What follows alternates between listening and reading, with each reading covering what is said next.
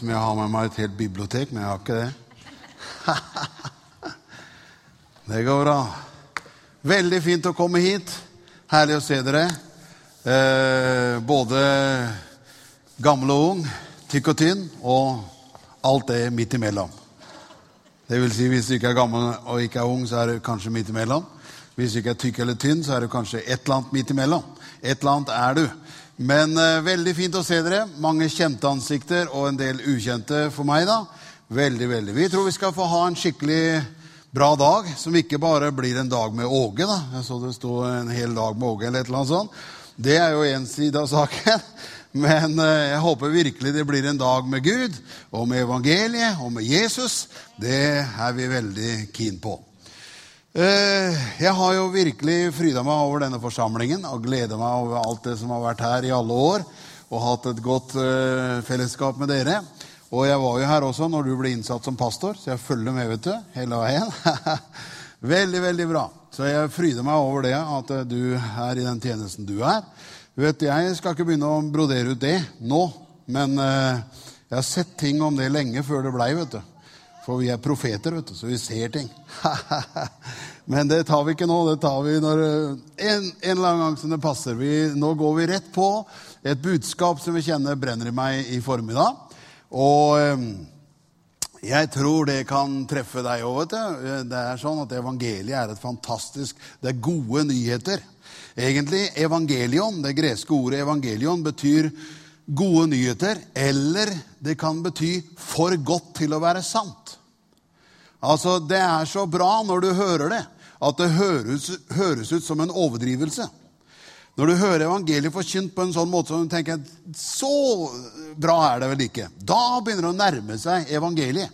Evangeliet er så bra nemlig, at når du hører det og får tak i det, så høres det ut som det er for bra. Det er for godt, kan du si. Ja, Kan det bli for godt, av serie? Ja, du får vente og se. Men eh, det er nemlig sånn. Evangeliet, det er gode nyheter, good news, og det er eh, faktisk sånn at det høres ut som om det er for bra. Men det er så bra som det, når det høres ut som det er for bra. For det er nemlig sånn at evangeliet, det kan frelse alle mennesker. Evangeliet det er ikke bare for noen utvalgte religiøse mennesker som har anlegg for å bli kristne. Nei, det er for alle mennesker. Og Hvis vi skjønner det, vet du, at evangeliet sprenger alle rammer og strekker seg ut til alle mennesker, det er fantastisk. Nå skal jeg ikke mm, begynne å preke før vi er i gang. Vi skal lese en tekst, vet du. Eh, så hvis du vil ha en overskrift om min andakt her i formiddag, så er det nettopp det. Jeg skal dele med deg kraften er i evangeliet. Du skjønner, Det fins en kraft. Evangeliet er en Guds kraft. Og vi skal lese teksten med en gang. Eh, fordi vi begynner med det at eh, Rombrevet 1, 16 og 17 sier sånn Jeg skammer meg ikke ved evangeliet, sier Paulus, for det er en Guds kraft til frelse for hver den som tror, både for jøde først og så for greker. For i det åpenbares Guds rettferdighet av tro og til tro, som det står skrevet, den rettferdige av tro skal leve. Amen. Amen. Du skjønner, evangeliet er en Guds kraft. Det vil si at det er ikke bare det at vi snakker om Guds kraft og tror på Guds kraft, og Den hellige ånd er Guds kraft. Nei, evangeliet er en Guds kraft. Altså, budskapet er en kraft i seg sjøl. Og det skal jeg snakke litt om, med deg om her i formiddag. For det er fantastisk skjønner du. når det evangeliet treffer deg, de gode nyhetene treffer deg, så er det kraftig. Um, du vet at uh, jeg er voksen, kan du si. Jeg har runda 50 til informasjon. Jeg trodde du runda 60 år. Så sier du ja, jeg har det òg. Men jeg er jo ikke noe mas om det. Men jeg er i hvert fall voksen. Og jeg har vært med vet du, i kristen sammenheng helt fra jeg var barn. Og jeg kunne fortelle deg selvsagt mange øh, flotte opplevelser langs veien. Men jeg vokste opp med en kristendom hvor det dessverre ikke var så mye kraft. kan du si. Det var ikke veldig mye snakk om kraft om man ikke hadde tro på så veldig mye kraft heller. Selv om man visste at evangeliet er en Guds kraft, så er det likevel sånn at det var et sjokk for meg. Et positivt, gledelig sjokk. For det er en av de tingene som, som eh, nåde betyr. Det betyr en positiv overraskelse. Du skjønner, du får en skikkelig positiv overraskelse når du blir klar over at evangeliet er kraftige saker. Det er skikkelige saker, kan du si. Uh, yes. Jeg skal ikke ta deg gjennom hele den butikken der, men jeg skal bare si det at eh, jeg husker så godt første gangen jeg hørte en som prekte med myndighet.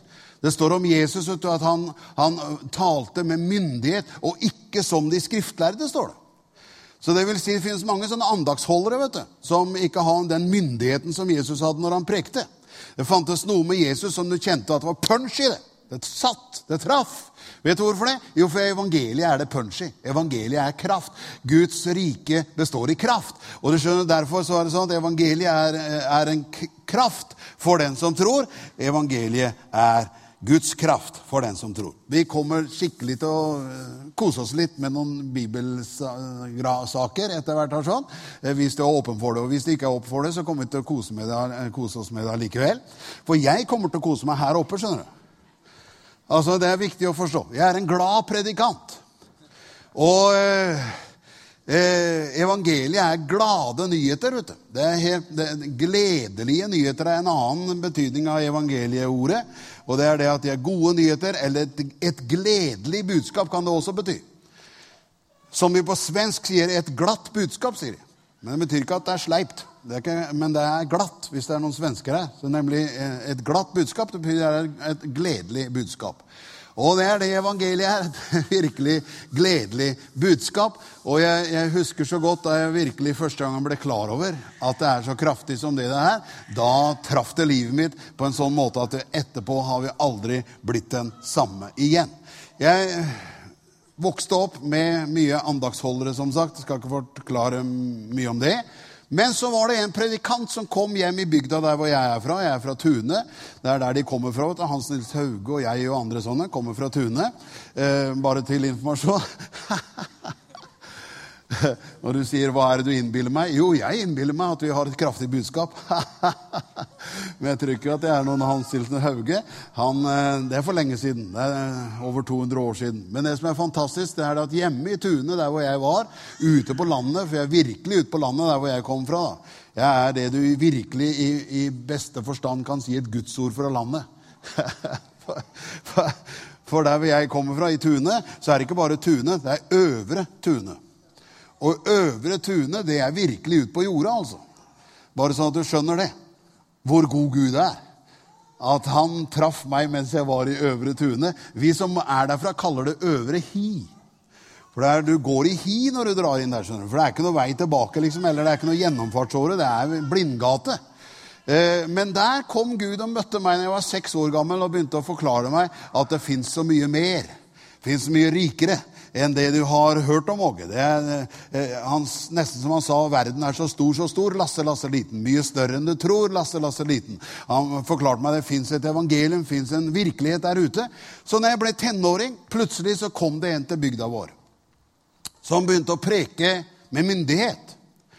Du kjente det, vet du, at dette er noe annet enn bare en andakt. Du kjente det traff. Det traff på en sånn måte at bedehuset ble fullt i løpet av noen uker. Det traff så kraftig at noen av verstingene i bygda ble frelst. Det, det traff det på en sånn måte at noen av rabagastene som gikk på, sammen med meg på skolen For jeg var jo ikke rabagast, men jeg sa at de var rabagaster. Jeg gikk sammen med noen rabagaster. ikke sant? Og noen av dem ble frelst. Og det var jo fantastisk. Så var det sånn at etter hvert så ble jo jeg litt Jeg begynte å småpreke litt da, og storpreke litt etter hvert. Men saken var at jeg eh, som eh, ung sangevangelist Det var før jeg egentlig hadde blitt sangevangelist. da. Men eh, du skjønner, jeg har vært sangevangelist. Jeg vet. Det fins bilder av meg og, og Carl Ferger med gitarer hvor de er sangevangelister. Men senere så forklarte Gud meg det at legg vekk gitaren, sa det er en hyggelig melding å få. Når du endelig har begynt å synge, liksom. Legg vekk gitaren. jeg kunne fortalt deg mye mer om det, men det skal jeg ikke gjøre nå. Eh, saken var at det kom en kar til bygda vår som prekte med myndighet. Du kjente det var punch i hans budskap. Så eh, jeg, vi var ute og var sangevangelister, jeg og en kamerat. og Vi dro da og besøkte et sted hvor han var nede på Sørlandet, så vi sang i hans møter. Og det var en onsdagskveld. Midt i en bibelcamp. Det mener bibelcamp-modus i den settingen. Det kunne være trøtte saker, kan du si. Men han hadde virkelig trøkk i det han hadde å si. Og du kjente vet du, at det tok tak. Og jeg som en ung mann kjente jeg fulgte godt med i det han hadde å si. Og når møtet var slutt, da, så, så kameraten min han var litt eldre enn meg, da, og han var litt mer predikant enn meg òg. Så han spurte han eh, andre karen da, spurte, 'Hvor har du din myndighet fra?' sa han. Sånne ord snakka ikke jeg på den tiden, så jeg ikke, jeg hadde ikke brukt sånne gloser som det. Men han sa det. 'Hvor har du din myndighet fra?' Og vet, Ofte folk som har noe fra Gud, de er ikke sånn, det er ikke med en gang de vil fortelle deg hele storyen. Så når du skal få noe av storyen ut av meg i dag, så må du fiske godt, kan jeg si. For, for det er klart at eh, de forteller det ikke sånn rett opp og ned uten videre. Så han sa nei, du vet, det er ikke noe du tar deg til. Det er noe Gud gir deg, sa han. Og svarte litt sånn rundt på det. Så jeg tenkte det er noe mer her. Jeg skjønte at han skjulte et eller annet. Neste morgen så, så Vi bodde i telt ute i bibelcampen, vi, da. Og eh, kameraten min og jeg. Så, så kommer han, predikanten, da, og drar opp glidelåsen i teltet og sier nå er det tid for sangevangelisten å stå opp, for vi lå lenge om morgenen. skjønner du. Og... Og han eh, sa 'Nå skal jeg synge for dere', sa han. Så tok han gitaren vår, og så begynte han å synge en sang som lik sånn 'Hvor den kommer til, brenner pinsens ild'. Sjeler får hva Jesus lovet gi. Kraften alle får, som det skrevet står, når Den hellige ånden på dem faller. Og så kom han bl.a. til et av de versene som jeg kjente meg veldig godt igjen i, at mange ynder møter, men forkaster ånd og ild.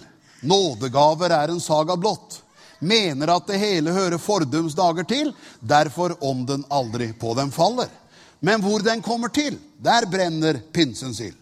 Sjeler får hva Jesus lover å gi. Og Han sang hele sangen, da. Det skal ikke jeg plage deg med, siden jeg har fått beskjed om å legge vekk gitaren. Fantastisk fin sang. Siden jeg er sangevangelist, så kan jeg godt synge litt for deg og si det. Hvor den kommer til, brenner pinsens ild. Sjeler får hva Jesus lovet gi. Kraften alle får, som det skrevet står, når Den hellige ånden på dem faller. Og så var siste verset sånn. Som i fordums dager, Herren er den samme en. Virker ved sin gode Hellige ånd. Nådegaver gives, syke helbred får igjen. Sjeler frelses der hvor ånden faller. For hvor den kommer til, der brenner pinsens ild. Og så la han vekk gitaren. Og så sa han, 'Dere spurte meg i går kveld', sa han. 'Hvor har jeg min myndighet fra?' Og nå skal jeg fortelle det, sa han. For jeg, han hadde tydeligvis snakka litt med seg sjøl. For jeg visste at han kunne risikere å få sparken fra den jobben han hadde i den settingen vi var, hvis, han, hvis det ble kjent at han hadde sagt det han sa. Men han sa dere spurte meg hvor har jeg min myndighet fra. Og jeg kan forklare det, sa han. At du skjønner, jeg har opplevd det som pinsevennene kaller for åndens dåp, sa han. Så når dere merker at det er noe der på møtet i går kveld, så er det fordi før møtet, i flere timer, så jeg har gått her oppe i skogen og bedt til Gud og talt i tunger, sa For når du taler med tunger, så lader du opp deg sjøl. Du bygger opp deg sjøl. Det står i Bibelen. Så når dere merker det i går kveld, så er det fordi da er jeg ladet når jeg kommer og preker Guds ord. sa Så er jeg ikke bare, jeg, ikke bare, jeg har ikke bare en andakt. Jeg, jeg er ladet. Og dere kjente virkningen av det. Og så, og så, Halleluja for det. Da hadde jeg fått etiketten på det. Husk på, Da var jeg 19 år gammel gutt, og jeg hadde fått da navnet på det. At det er det der som pinsevenner kaller for åndens dåp. Og akkurat da skulle jeg flytte til Halden, hvor, eh, hvor, jeg skulle gå på lærerskole.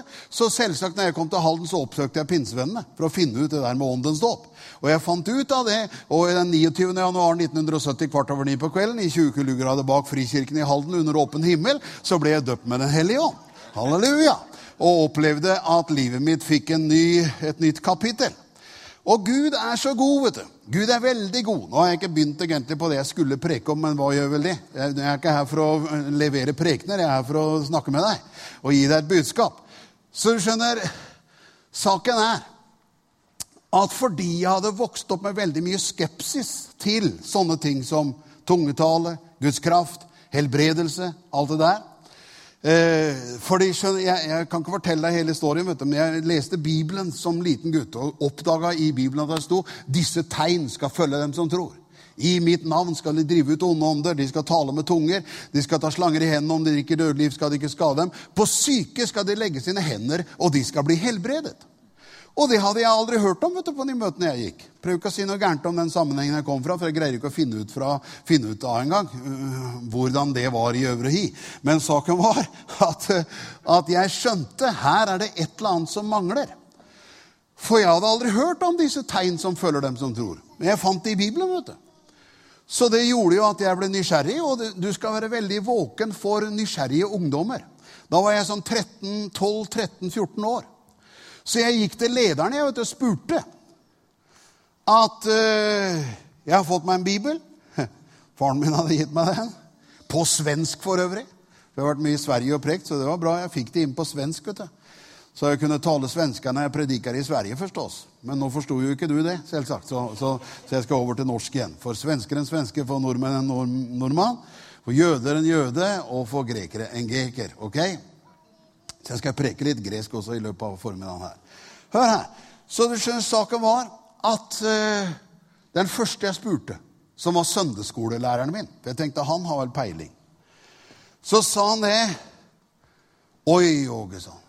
Det der, det er farlige greier, det, sa han. Det hører svermerne til, det der, sa han.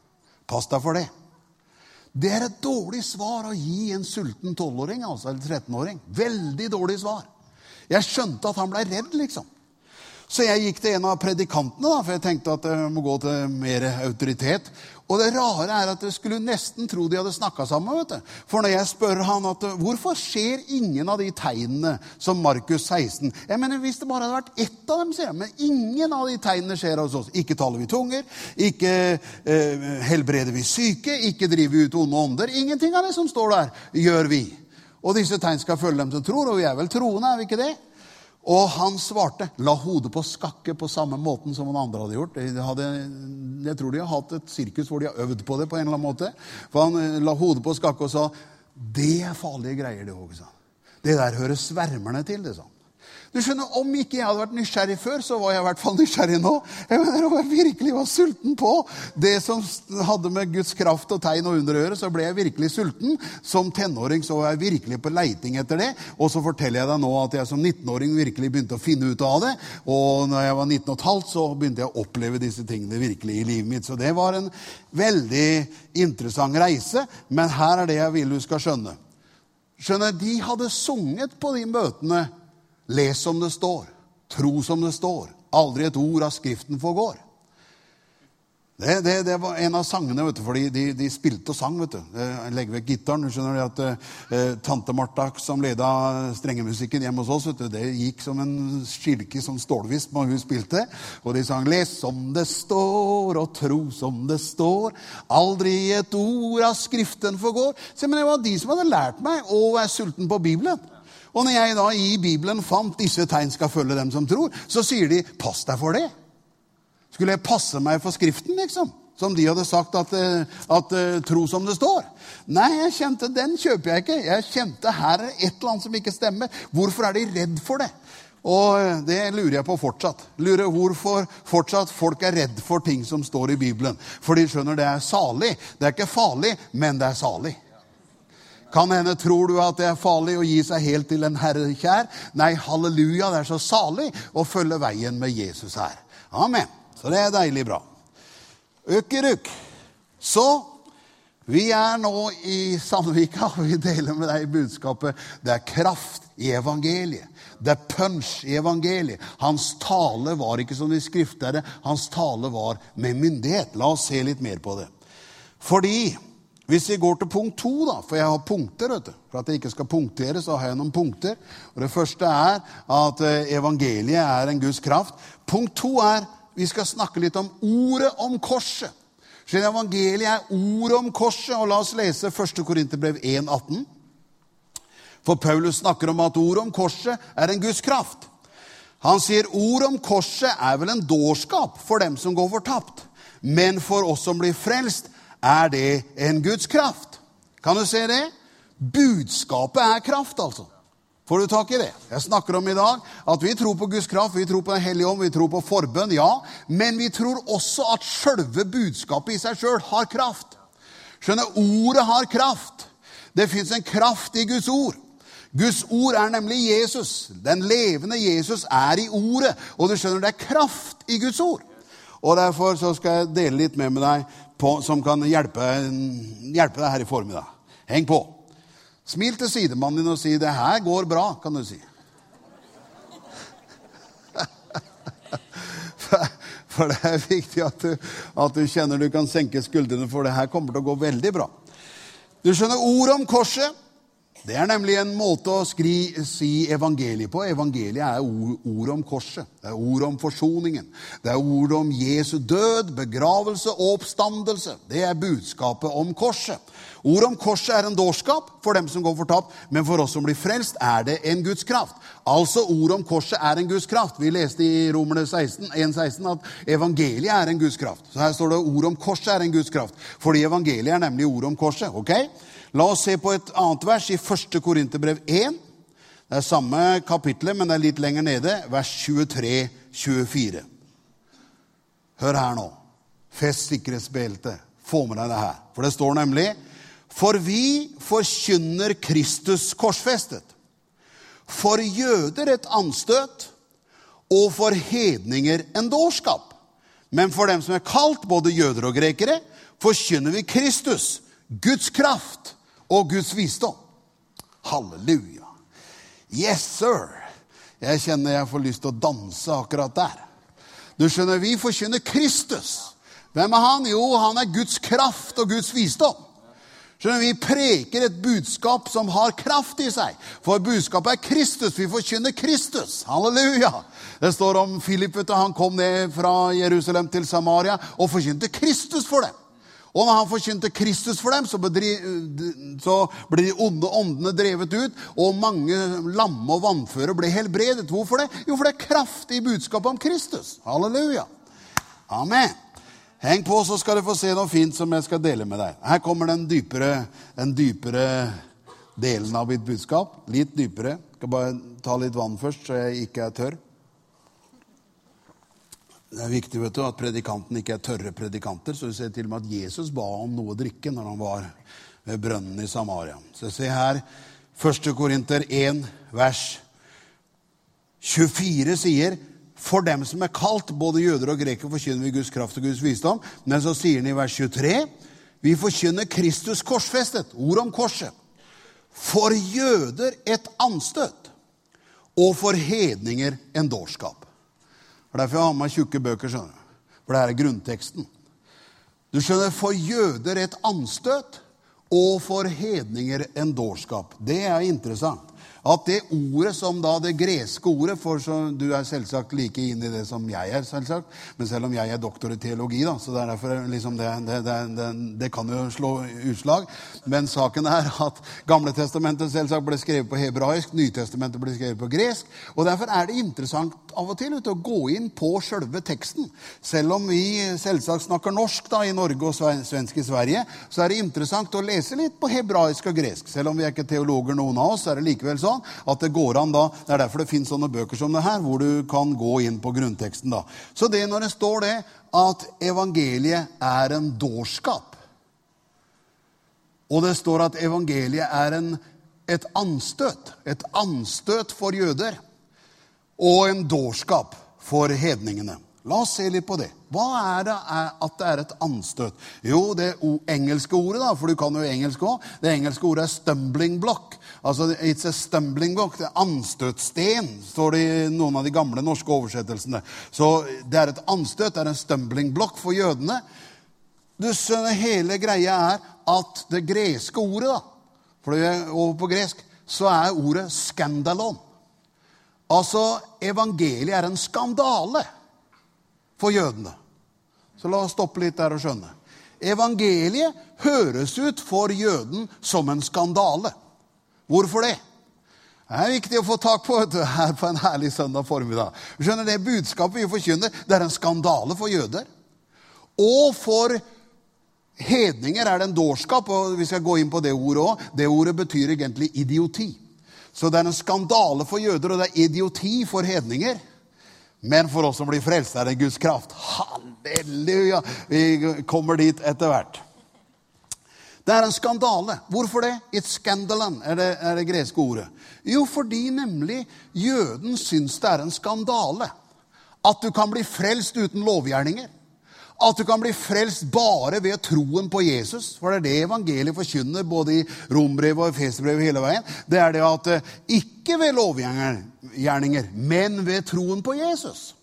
Og du skjønner, For jødene som da hadde loven som sin store fokus, og trodde at uh, du måtte bli frelst ved loven, så var det en håpløs vei hvor ingen kan bli frelst ved loven. Ingen. Hvor mange, sier du? Absolutt ingen.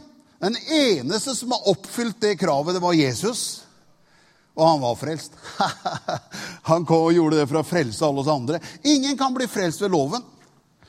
Kan synge mer for deg. Werner Skipsted har en flott sang som sier 'Ingen kan bli frelst ved loven, den tilhører dødens makt, pakt'. Men ved nådens kraft fra oven frelses vi fra dødens makt. Jeg skal, ikke, jeg skal ikke sitere sanger særlig mer enn nå. Du skjønner at jeg har fått beskjed om å legge vekk gitaren. Derfor tok jeg den der uten gitar. Hør her. Du skjønner, ingen kan bli frelst ved loven. Hvorfor det? Nei, fordi ingen kan klare å holde loven. Ikke én. Det finnes ikke én rettferdig. Det finnes ikke én som søker Gud, til og med. Alle har veket av, står det i rombrevet. Alle har bomma. Og Derfor så er det klart at når da noen kommer og forkynner det fins en frelsens vei som heter Jesus Kristus. Ved troen på ham så blir du frelst.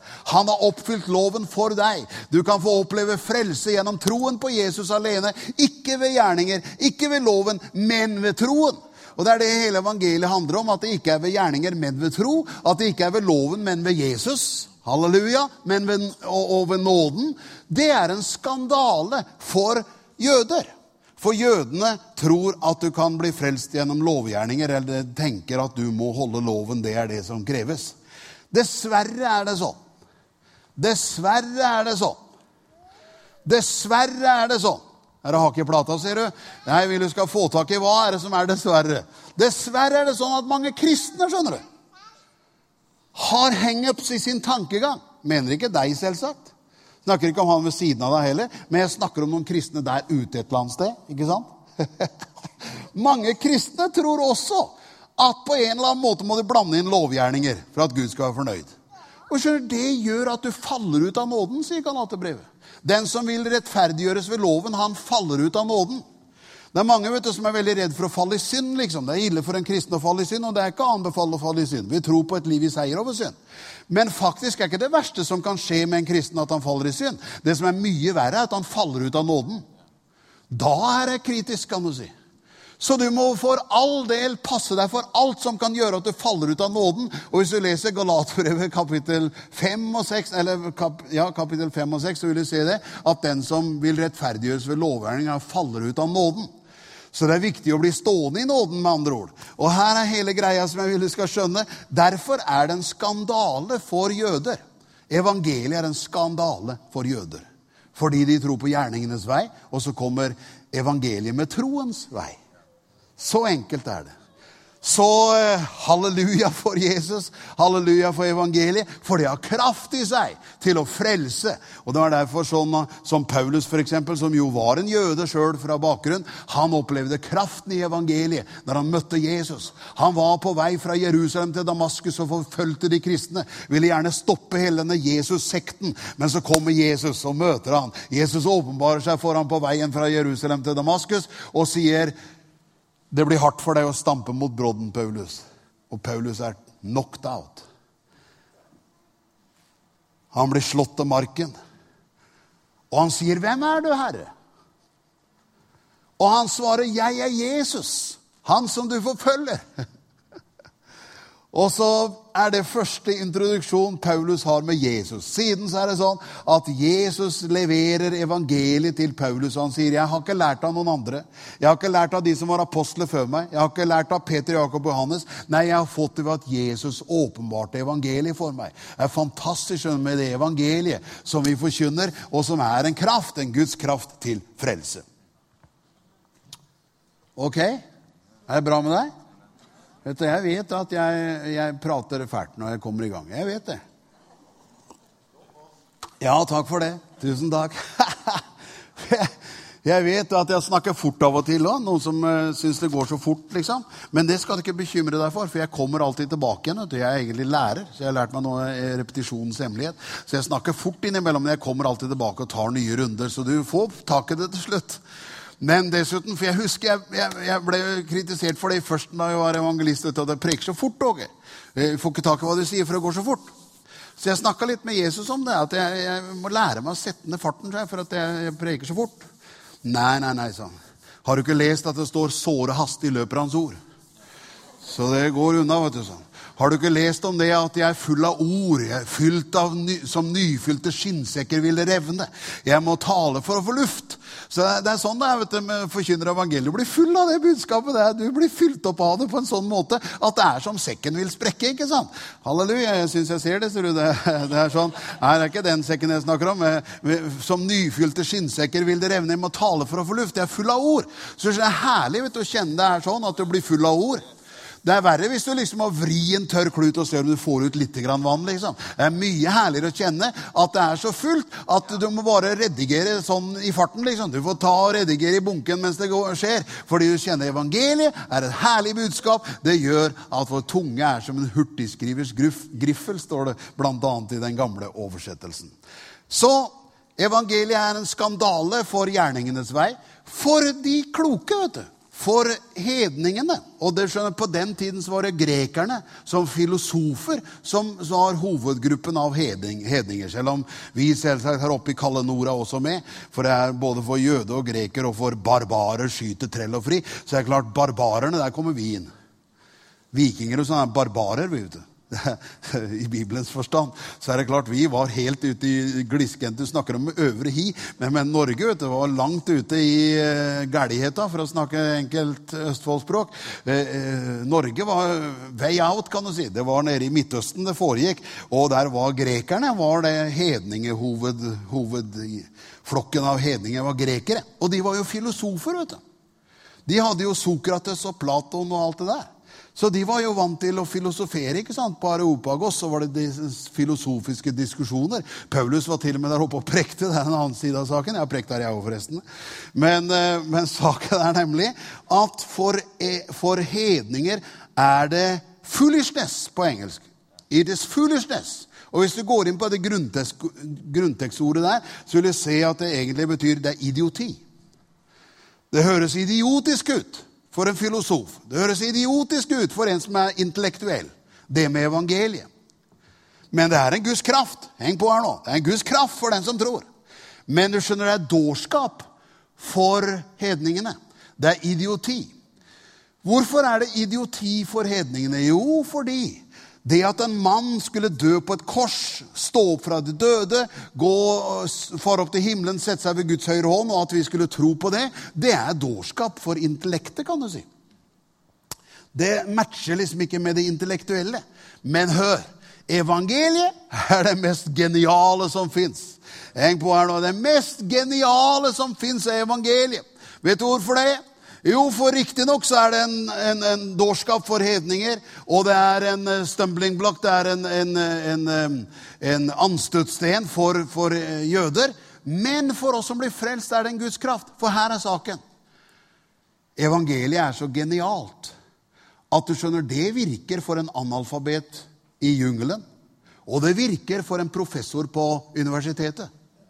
Fordi enten du er høy eller lav, enten du er rik eller fattig, enten du er veldig glup oppe i the educated idiot box, for den sitter oppe her, eller du er litt mer eh, enkel, kan du si, så er det sånn at evangeliet, at du ved troen på Jesus blir frelst, det matcher uansett hvem du er og hvor du befinner deg. Det treffer skjønner du, i jungelen i Afrika, og det treffer på Universitetet i Oslo.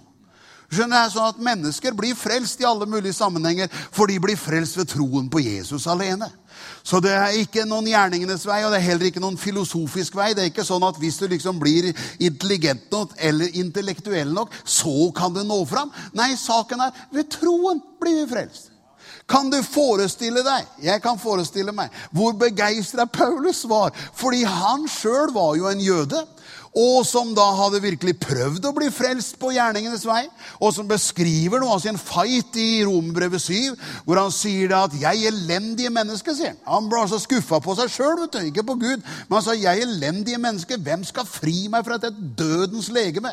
Ja, det er bare de mildeste ordene han eh, kunne finne der. Hersens legeme, elendige eh, kroppen som gjør at den protesterer når jeg vil gjøre det gode. Så Paulus hadde fått smake at jødedommen ikke fører fram. Han opplevde det, at Gud var et takk ved Jesus Kristus, vår Herre. Og samtidig var Paulus en intellektuell. vet du. Han var jo virkelig lærd. Han hadde jo blitt opplært ved Gamalies føtter, og han var også over gjennomsnittet intelligent.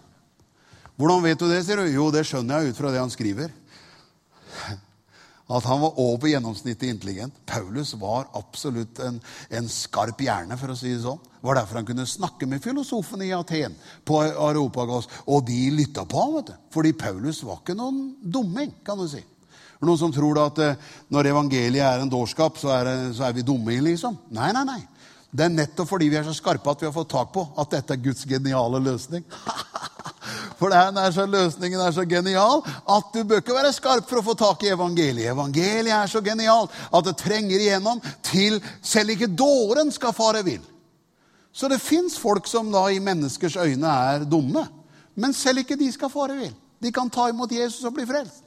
Mens de som er veldig høyt på strå og er intellektuelle, de også må tro på Jesus for å bli frelst. Og for dem kan det være litt mer ydmykende. vet du, At det ikke er noen annen vei.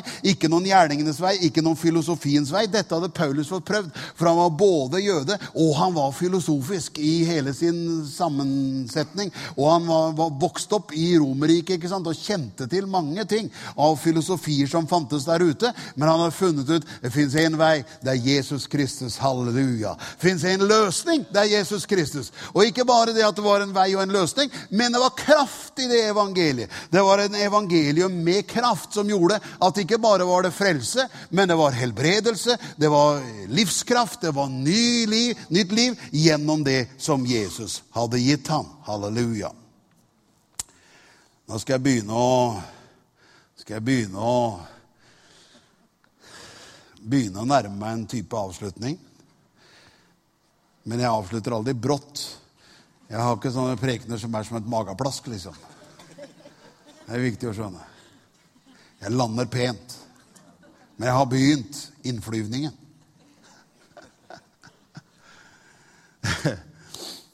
Når lillemor hører jeg sier at jeg skal lande, så vet hun det at det kan ta tid. Vi var en tur på Færøyene en gang hvor, hvor eh, vi fikk ikke landa pga. det var så dårlig vær. Så jeg hadde kjørt først fra Oslo til København, og så fra København til Torshavn for å lande i, i, på Færøyene. Men det var så dårlig vær, så vi fikk ikke landa. Så vi prøvde å lande sju ganger, og lyktes ikke. Jeg vet ikke om du har vært med på sånne flyturer, men jeg er såpass mye ute å reise at av og til så har jeg man turbulente flyturer. Men det, det, ja, Etter hvert har jeg lært meg å nyte det. Men saken er at uh, vi fikk ikke landa, så vi måtte snu og kjøre tilbake til Bergen. Kan du tenke deg, tok fra Oslo til København til Torshavn til Bergen. For de måtte fylle bensin. vet du. De måtte ha mer bensin for å få landa der borte. For de holdt på å sirkle så lenge at de sa vi må dra til Bergen og fylle bensin. Så vi fikk til og med mat i Bergen. Fantastisk. Flyselskapet spanderte mat, for de tenkte at dette er en, en traumatisk tur for disse folka. Så i hvert fall så dro vi tilbake igjen til Færøyene, og da prøvde vi igjen å lande på andre forsøk. Så vi kom ned. Men det var dårlig vær, kan du si, og det var turbulent landing. Men vi kom ned. Og hvis du har vært på Torshavn eller på Færøyene, så er det verdens korteste rullebane. Så når du lander, så, så henger du i stroppen, for det, det, det er så kort rullebane. ikke sant? Og når du skal opp igjen, så har de ekstra motorer på flyet. De har forsterka motorer som gjør at det, det, er som å kjenne at du er med i et race. Liksom. De ruser motoren, og så slipper du drar de av gårde. Og så er det sånn hoppkant ytterst på, på, på der, hvor, der, hvor, eh, rullebanen slutter. Og du kjenner det etter de har tatt av fra rullebanen, så tar de en runde ned, liksom. Er høyt ned til vannet, vet du. Før de tar av opp. Du sier jeg får lyst på en tur til Færøyene. Ja, vær så god, ta deg en tur. Anytime. Så jeg sier det hender at når jeg sier nå skal jeg gå ned for landing, så blir det sånn færøysk landing med fem forsøk og sju forsøk og alt sånt. Men det skal ikke jeg gjøre det i dag. Jeg, jeg, jeg er på vei inn for landing, så det her går bra. Men hør. Du skjønner, 2. Korinterbrev 5,19 er et fantastisk vers vet du, som beskriver evangeliet i sin fylde og sier det at det var Gud som i Kristus forsonte eller forslikte verden med seg selv så han ikke tilregner dem deres overtredelser, og la ned i oss ordet om forlikelsen. Skjønner, Vi har fått budskapet i oss, folkens. Det er viktig å skjønne du, at vi går rundt og har et budskap i vårt hjerte. Han har lagt ned i vårt hjerte hvilket budskap da? Jo, ordet om forsoningen. Ordet om forlikelsen. Det har vi fått, så vi kan fortelle til alle mennesker la dere forsone med Gud. Det er hva fortsettelsen er i 2. Korinter 5. Punkt 3 til slutt, for jeg skal drive og lande. Hør her. Det er fantastisk med at dette evangeliet vi forkynner, det fins en salvelse til å forkynne det evangeliet. Jesus sa i Lukas 4, 18 og 19, han siterer da fra Jesaja 61, og så sier han 'Herrens ånd er over meg', sier han. For han har salvet meg til Hva for noe, da? Hva har han salvet meg til? Å fryse på ryggen? Salvet meg til hva for noe? Jo, å forkynne evangeliet for fattige. Du skjønner, Det er fantastisk å ha den salvelsen til å forkynne. Var det første gang jeg møtte da denne karen var hjemme i hjembygda vår og forkynte evangeliet, så kjente jeg hans tale var ikke som de skriftlærde. Han talte med myndighet. Det fantes noe der som ikke jeg da skjønte fullt ut av, men som er nettopp dette salvelsen av Den hellige ånd til å forkynne evangeliet. Han har sendt meg for å forkynne for fanger at de skal få frihet, for blinde at de skal få syn, for å sette undertrykte fri, for å forkynne et nådens år fra Herren. Det er deilig. Skjønner, han, har prek, han har kalt oss til å forkynne folk fri.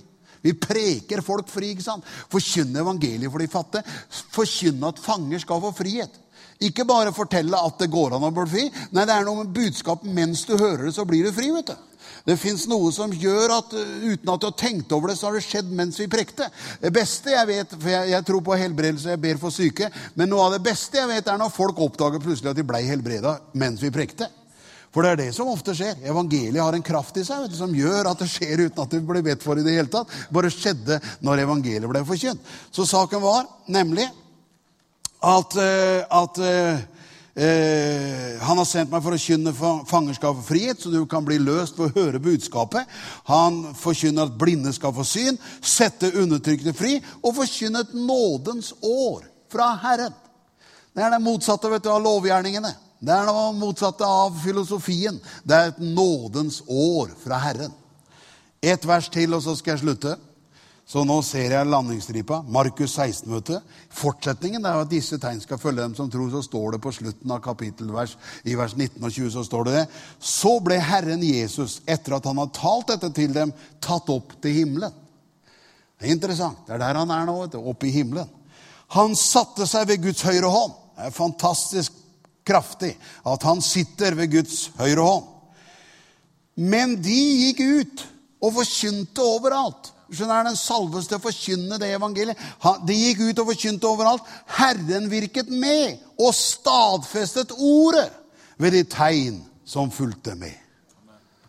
Det er det vi holder på med. Du skjønner, Evangeliet har vi fått. Og vi er ute og forkynner det evangeliet. Og så virker Herren med. Han, han, er med på teamet. Han er faktisk teamleder. Han sørger for at dette budskapet ikke bare er tomme ord, det er budskap med kraft. Han forkynner, Vi er salvet til å forkynne evangeliet, og da skjer det at vi går ut og forkynner overalt. Herren virker med og stadfester ordet. Så ser du hva han stadfester. Han stadfester ordet. Som andre ord, vi forkynner ordet, vet du. Amen. Kraften er i budskapet. Du skjønner, Det er det budskapet vi forkynner, som han kan stadfeste. Du må gi Gud noe å stadfeste, ikke sant? for Gud stadfester ordet. Og da, da fulgte tegnene med. La meg virkelig gå inn for landing og si det at med begeistring og glede kan jeg fortelle deg at det har ikke slutta å virke. Det er ikke over. Det er ikke sånn at eh, du må tilbake i historien at ja, det, var en gang en mann som het Jesus, gikk omkring og gjorde godt, og snipp, snapp, snute, nå er eventyret ute. Nei, det virker i dag, vet du. Han lever nå. Jesus Kristus er i går og i dag og til evig tid den samme. Det er fantastisk. Så det han kunne da, det kan han nå. Det han gjorde da, det gjør han nå. Det han ville da, det vil han nå. Han er den samme. Jesus er den samme. Det er mange ting som forandrer seg vet du, opp gjennom tiden. Og ting blir forandra, og det er mange ting i dag som er veldig annerledes i samfunnet enn i 1950, da jeg ble født. Men saken er Jesus er den samme. Han er den samme da som nå, som i morgen. Han er den samme i går, i dag og til evig tid. Jesus er den samme. Så det vil si at han er her i dette møtet. Og Det betyr også at hvis du har behov i livet ditt, så er han her for å møte deg. Han er her for å gjøre det umulige mulig. Han er her for å frelse, men han er også her for å helbrede og fylle med sin ånd og gjøre sin gjerning. Nå skal vi ha et møte i kveld og i ettermiddag eller i kveld hvor vi virkelig har fokus på betjening og forbønn og alt det. Så, så vi liksom vi, vi, Du må komme dit, vet du. Du må få med deg det. Men det er ikke sånn vet du, at vi liksom har Vi setter Guds kraft på vent liksom til i kveld. Så vi har det nullstillere nå, så er det klokka sju det begynner å virke. liksom. Nei, han lever nå. Han er kongenes konge akkurat nå. Han troner i himmelen akkurat nå. Jeg tror vi faktisk skal stå på våre føtter. Nå vet jeg ikke akkurat hvordan dere bruker å gjøre på tampen her, men det er ikke så farlig. Jeg gjør det sånn som jeg har lyst til akkurat nå. Jeg gjør det ikke sånn som jeg bruker å gjøre det heller. Halleluja. Men lovsangerne kan jo etter hvert holde seg klar et eller annet sted. Det er fint med noe sang og musikk på slutten her. Mm -hmm. Men hør. Her i dette møtet, denne formiddagen, så er min bønn og mitt ønske Det er ikke at bare du skulle komme og høre budskapet om evangeliet. Jeg vil at du skulle få oppleve kraften i evangeliet. Og det er klart det viktigste er å bli frelst. Du vet, når, når Det var en mann som ble firt ned gjennom taket i Markus 2.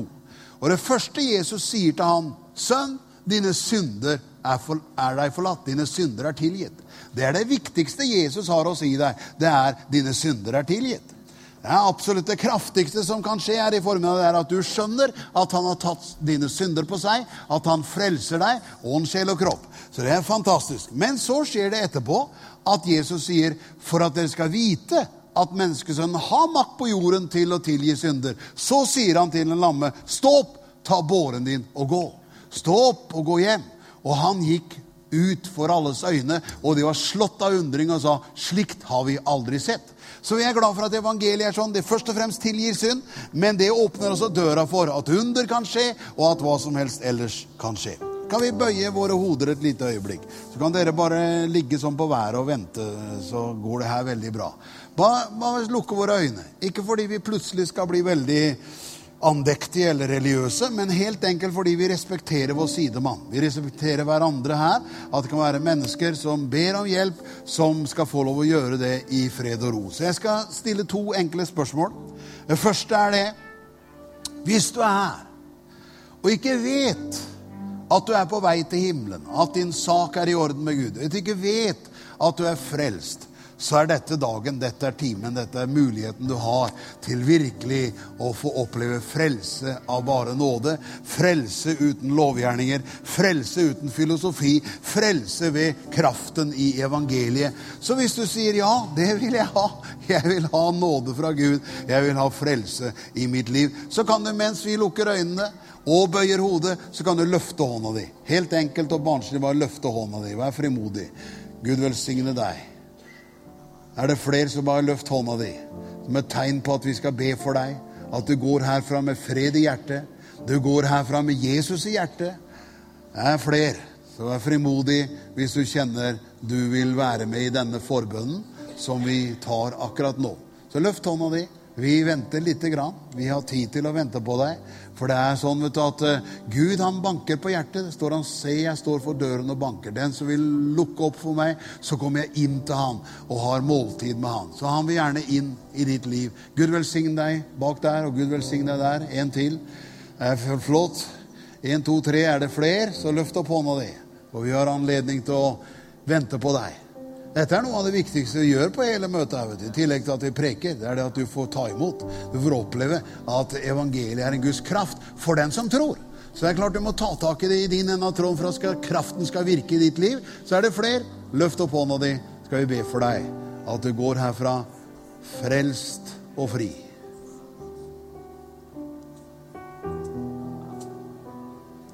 Du vet at jeg maser ikke. Og det er ikke sånn at dette her er liksom en slags uh, auksjon hvor du byr på det her, liksom. Nei, nei. Det er betalt allerede. Det er ferdig. De bare sier 'hvis du vil, vi skal be for deg'. Så kan du løfte hånda di, du som vil ha fred i hjertet.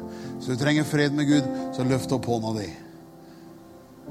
Veldig fint med de som har gitt seg til kjenne her. Veldig flott. Ett spørsmål til. Det er sånn Hvis det er noen her, og du er frelst, og du har fred med Gud, men du lengter etter og vil gjerne bli helbredet for din sykdom, For du har plager i kroppen din. Enten i kroppen eller sjela di. Alt ettersom. Enten du er fysisk sjuk eller du har plager i sjela di. Kanskje du ikke sover om nettene, kanskje du opplever at du har mye plagsomme tanker om dagen. Så er vi glad for å si det at Jesus er her også for å helbrede. Han er her for å sette deg fri fra sykdommer og plager. Herrens ånd er om meg for å forkynne at blinde skal få synd, undertrykte skal løslates. Det fins folk som har den sykdommen mer at de er trykka under. De har undertrykkelse i livet sitt. Selv om de er frelst, er det sånn at det fins ting som gjør at du, du kjenner denne byrden av saker som tynger deg. Og jeg sier du er veldig velkommen til å ta imot befrielse og frihet og helbredelse. Så hvis du vil at vi skal be for deg, for kroppen din og for sjela di, så løft opp hånda di. Så skal vi be for deg også. Det er mange her som har behov for det. Gud velsigne deg. Guds godhet er her. Den er åpen for deg til å oppleve akkurat det. Halleluja.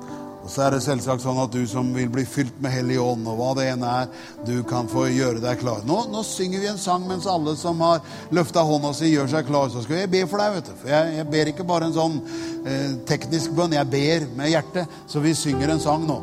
Det passer bra. Halleluja.